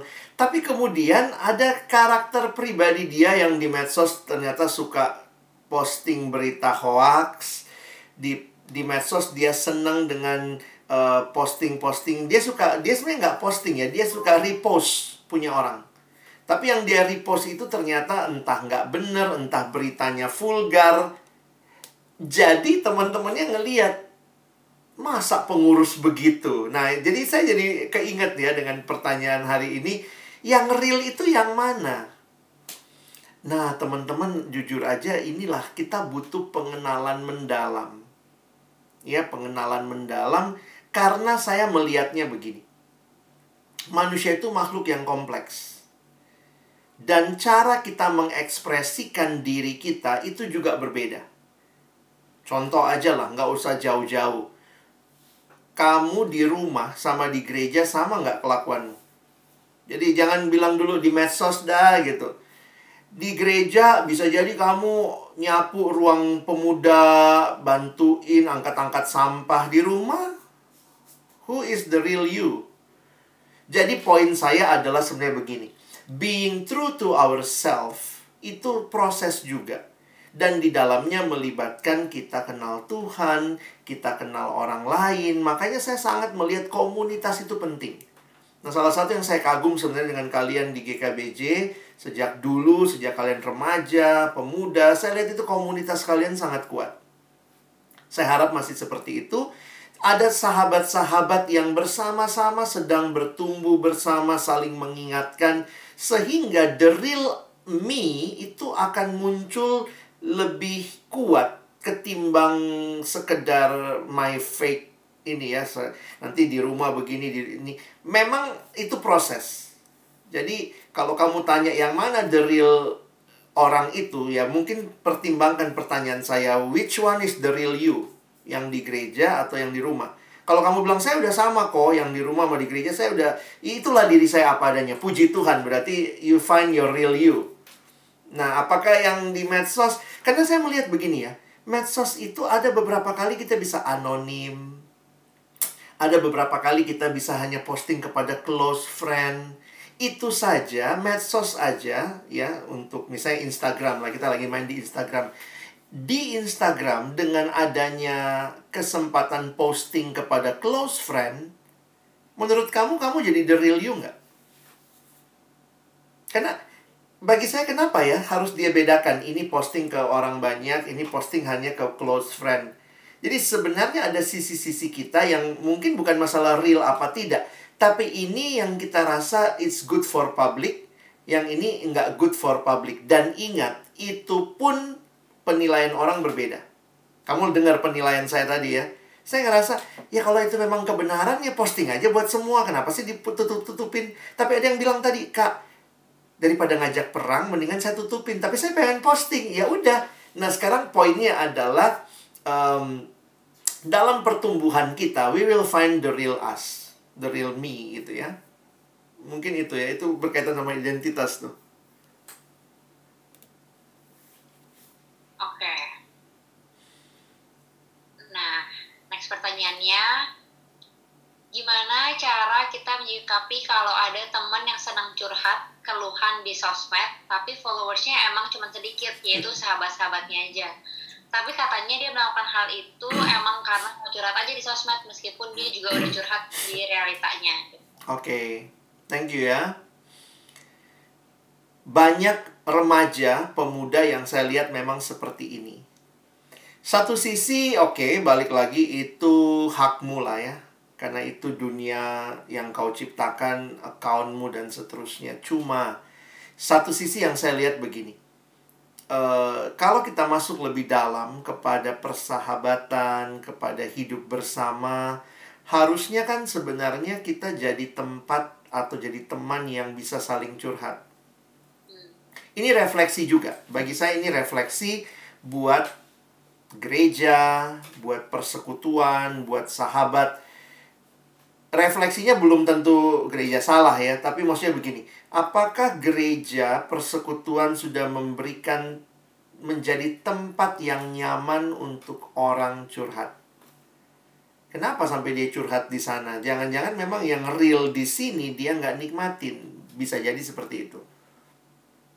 Jadi, kalaupun dia tetap curhat di sana, poinnya adalah kalau buat saya begini, apakah dia punya teman yang real yang bisa memberi masukan, bisa puk-puk pundaknya kalau offline, bisa kasih en encouragement word of encouragement buat dia.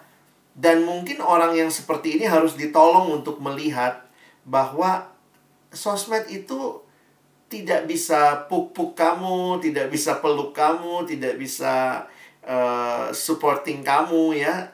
Poinnya adalah hanya memberikan tempat untuk kamu curhat. Jadi kita menolong dia untuk curhat lebih jauh lagi.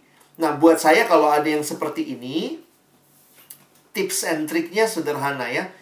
Kalau dia curhat begitu-begitu ya teman-teman sebagai temannya jangan lupa tanya. Eh, gue prihatin juga ya lihat status lu, tapi emang hidup kayak gitu kali ya. Eh, lu, lu boleh cerita nggak apa yang terjadi?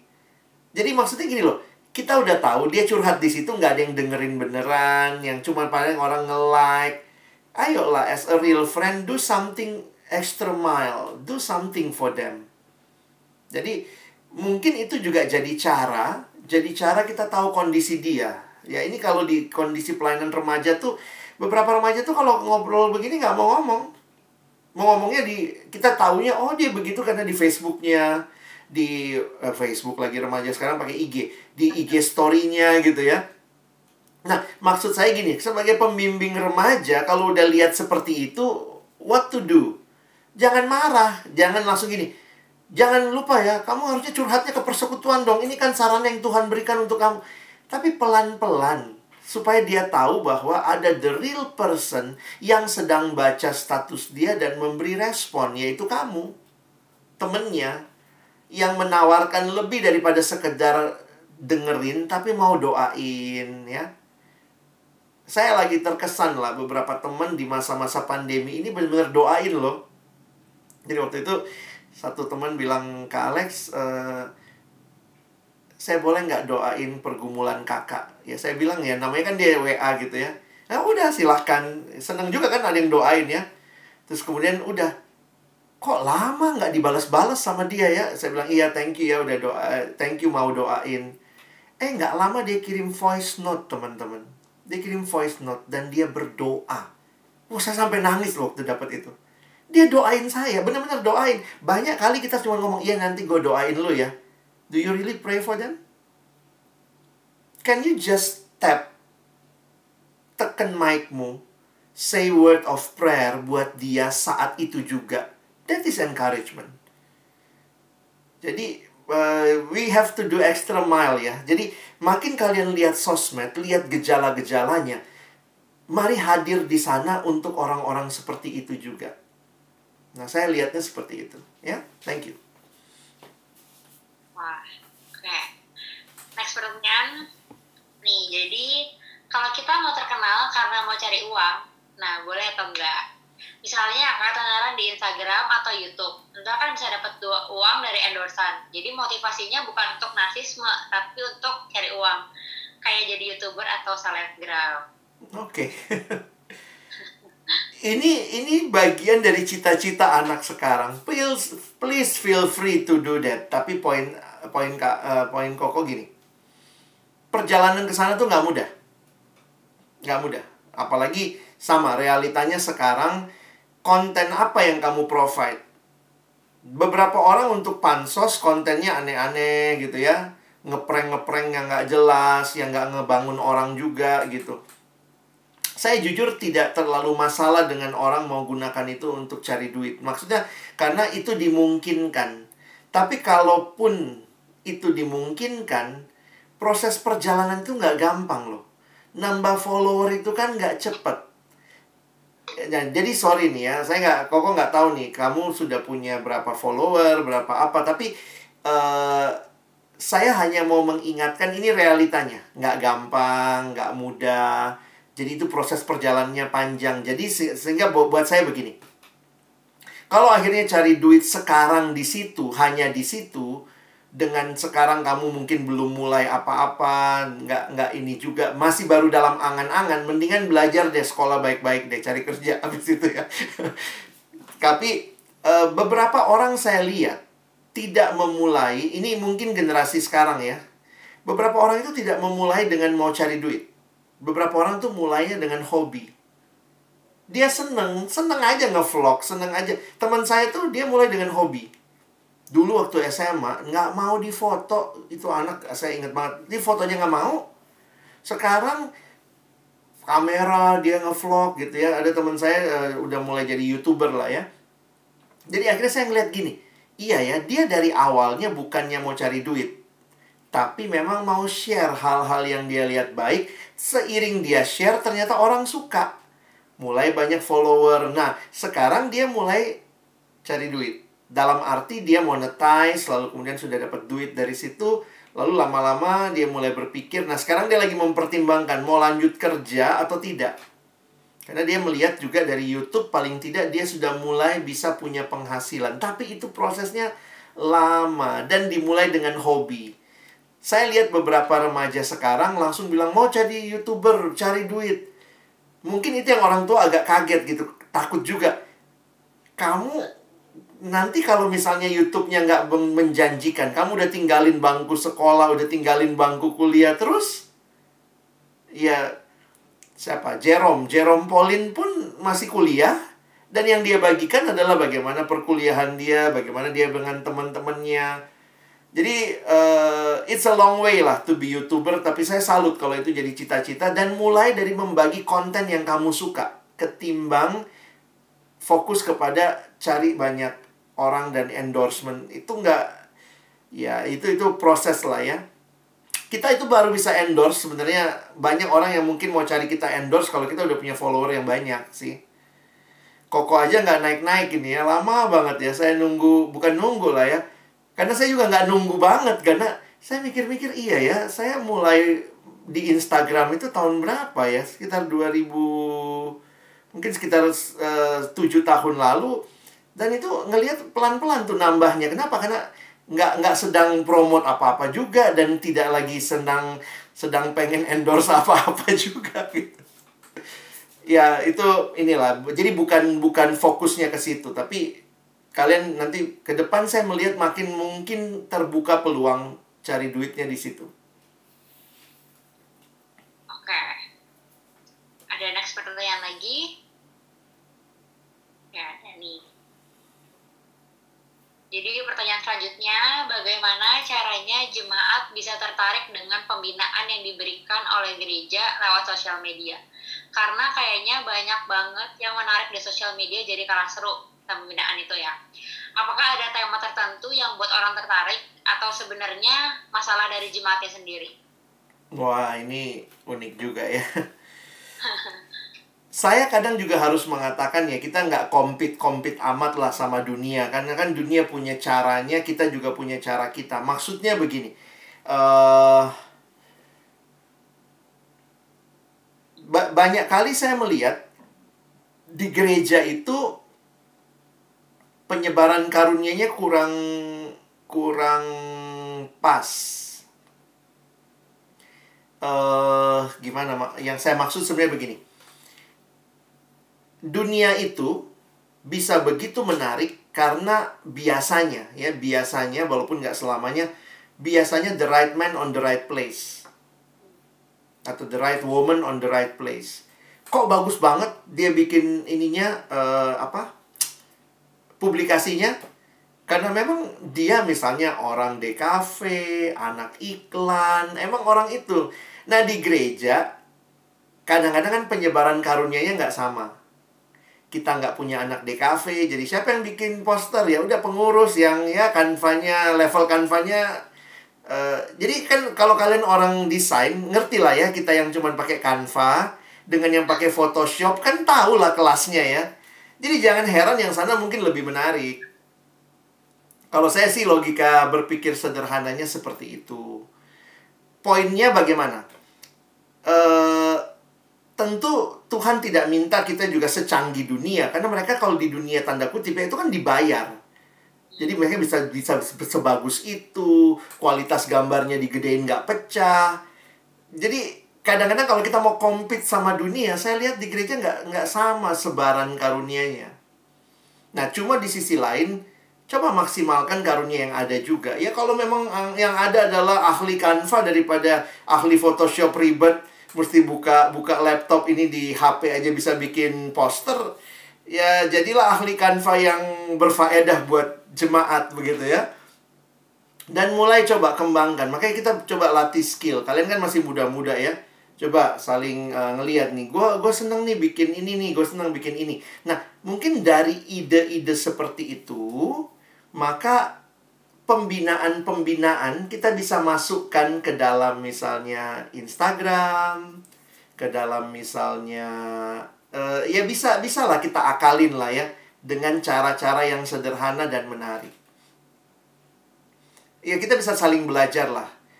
Kadang-kadang kalau lihat apa nih, yang teman-teman uh, dulu ya sama Ko, Ko Jimmy Setiawan misalnya dia bikin wow worship gitu ya. Itu kan dia bisa membina kita lewat uh, Instagram dengan kita ngelihat videonya atau kita mungkin apa swipe tiga kali empat kali kita jadi belajar sesuatu. Nah mungkin bagi saya sederhananya gereja harus berpikir ya topik-topik apa misalnya yang menarik yang bisa kita sampaikan. Nah itu yang kita bagi. Ada satu temen dalam gerejanya dia anak pemudanya berapa orang tuh? Ya udah dia suruh bikin setiap hari satu menit dia pakai satu menit karena kan Instagram feed satu menit ya. Setiap hari anak-anak remajanya uh, sharing satu hal, satu ayat, mereka sharingkan pengalaman sama ayat itu hanya dalam satu menit.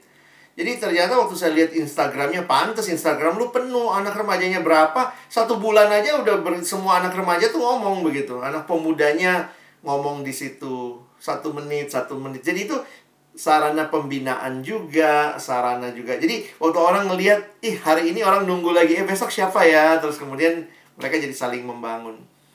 Poinnya adalah coba pikirkan idenya, hal apa yang bisa kita share melalui Instagram, YouTube, ataupun mungkin uh, Facebook ya, itu kan yang umum-umum sekarang. Atau apa, lalu ya kita cari orang-orang yang punya karunia untuk mendesainnya dengan bagus, mengkomunikasikannya dengan baik. Nah, jadi teman-teman itu kesempatannya terbuka kok untuk e, gereja bisa membuat sesuatu lebih menarik. Khususnya sekarang ini kan situasinya lagi begini dan kayaknya sih masih agak panjang nih kita seperti ini ya.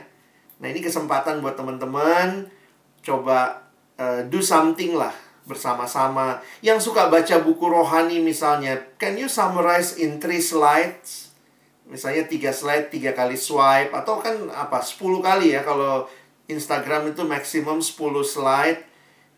Ayo kita bisa jadi gini kita nggak tahu nih orang pada baca buku rohani nggak? Yuk kita dorong. Jadi isinya tuh karena saya jujur aja kadang agak sedih juga ya banyak Instagram gereja Instagram pemuda remaja isinya info. Uh, ini ada kebaktian ini ya pembicaranya si ini ini ada ini tapi kita harusnya juga bisa membuat sesuatu yang lebih sih. Mungkin itu. Oke. Jadi teman-teman ada ini udah nggak ada pertanyaan lagi. Jadi ini masih mau ada yang nanya atau nggak nih? Ya nggak saya tidak ada karena nggak ada ngomongnya. Oke. Oke. Jadi jadi inget ya maksudnya maksudnya belajar banyak lah ya dari media sosial. Gimana caranya kita apa sih maksudnya pegang apa handle media sosial kita sendiri gitu. Karena kan udah tahu kalau orang-orang di luar sana yang followers followers kita sendiri pasti ngeliatin kita. Jadi terus jadi garam dunia dan terang dunia. Oke? Nah se pas sebelum kita akhirin mau minta contoh Yudin buat tetap dalam doa. Oh, nggak pengumuman dulu ya. Habis doa baru pengumuman. Oh, doa dulu aja dicontoh habis itu baru ngomong. Jangan pada live dulu ya teman-teman. Ya, ya, oke. Ya. ya, terima kasih ya Pak Alex ya. Sama-sama, Pak. materinya yang sungguh sangat memberkati kami. Ya, mari kita tundukkan kepala kita eh, berdoa. Tuhan kami sungguh bersyukur untuk pembinaan pada malam hari ini. Kami sungguh diberkati baik melalui pujian dan khususnya materi yang dibawakan oleh Pendeta Alex. Kami sebagai anak-anak muda terus belajar banyak tentang bermedia sosial. Dan malam hari ini kami dicerahkan apa yang harus kami lakukan sebagai anak-anak Tuhan di dalam setiap perkembangan yang ada khususnya melalui bermedia sosial. Kami bisa menjadi garam dan terang. Kami terus belajar dan bagaimana kami bisa uh, menggunakan semua kesempatan yang ada untuk boleh menjadi berkat buat orang-orang di sekitar kami. Terpujilah engkau Tuhan yang memberkati kami melalui uh, pembinaan pada malam hari ini dan kami terus berdoa biarlah Tuhan terus memberkati Pak Alex di dalam pelayanannya, dalam kehidupan keluarga, dalam setiap pergumulan-pergumulannya Tuhan yang kau terus pakai untuk hormat dan kemuliaan bagi namamu. Untuk setiap rekan-rekan malam hari ini Tuhan juga memberkati mereka semua di dalam kehidupan sehari-hari, dalam pekerjaan, dalam studi, dalam setiap pergumulan-pergumulan yang sedang mereka hadapi di masa COVID-19 ini, biarlah mereka tetap ingat panggilan mereka menjadi garam dan terang di dunia ini. Terpujilah engkau Tuhan, sebentar lagi kami juga akan berpisah. Tuhan memberkati kami di sisa waktu di malam hari ini dan istirahat kami pada malam hari ini. Di dalam nama Tuhan Yesus kami telah berdoa. Amin.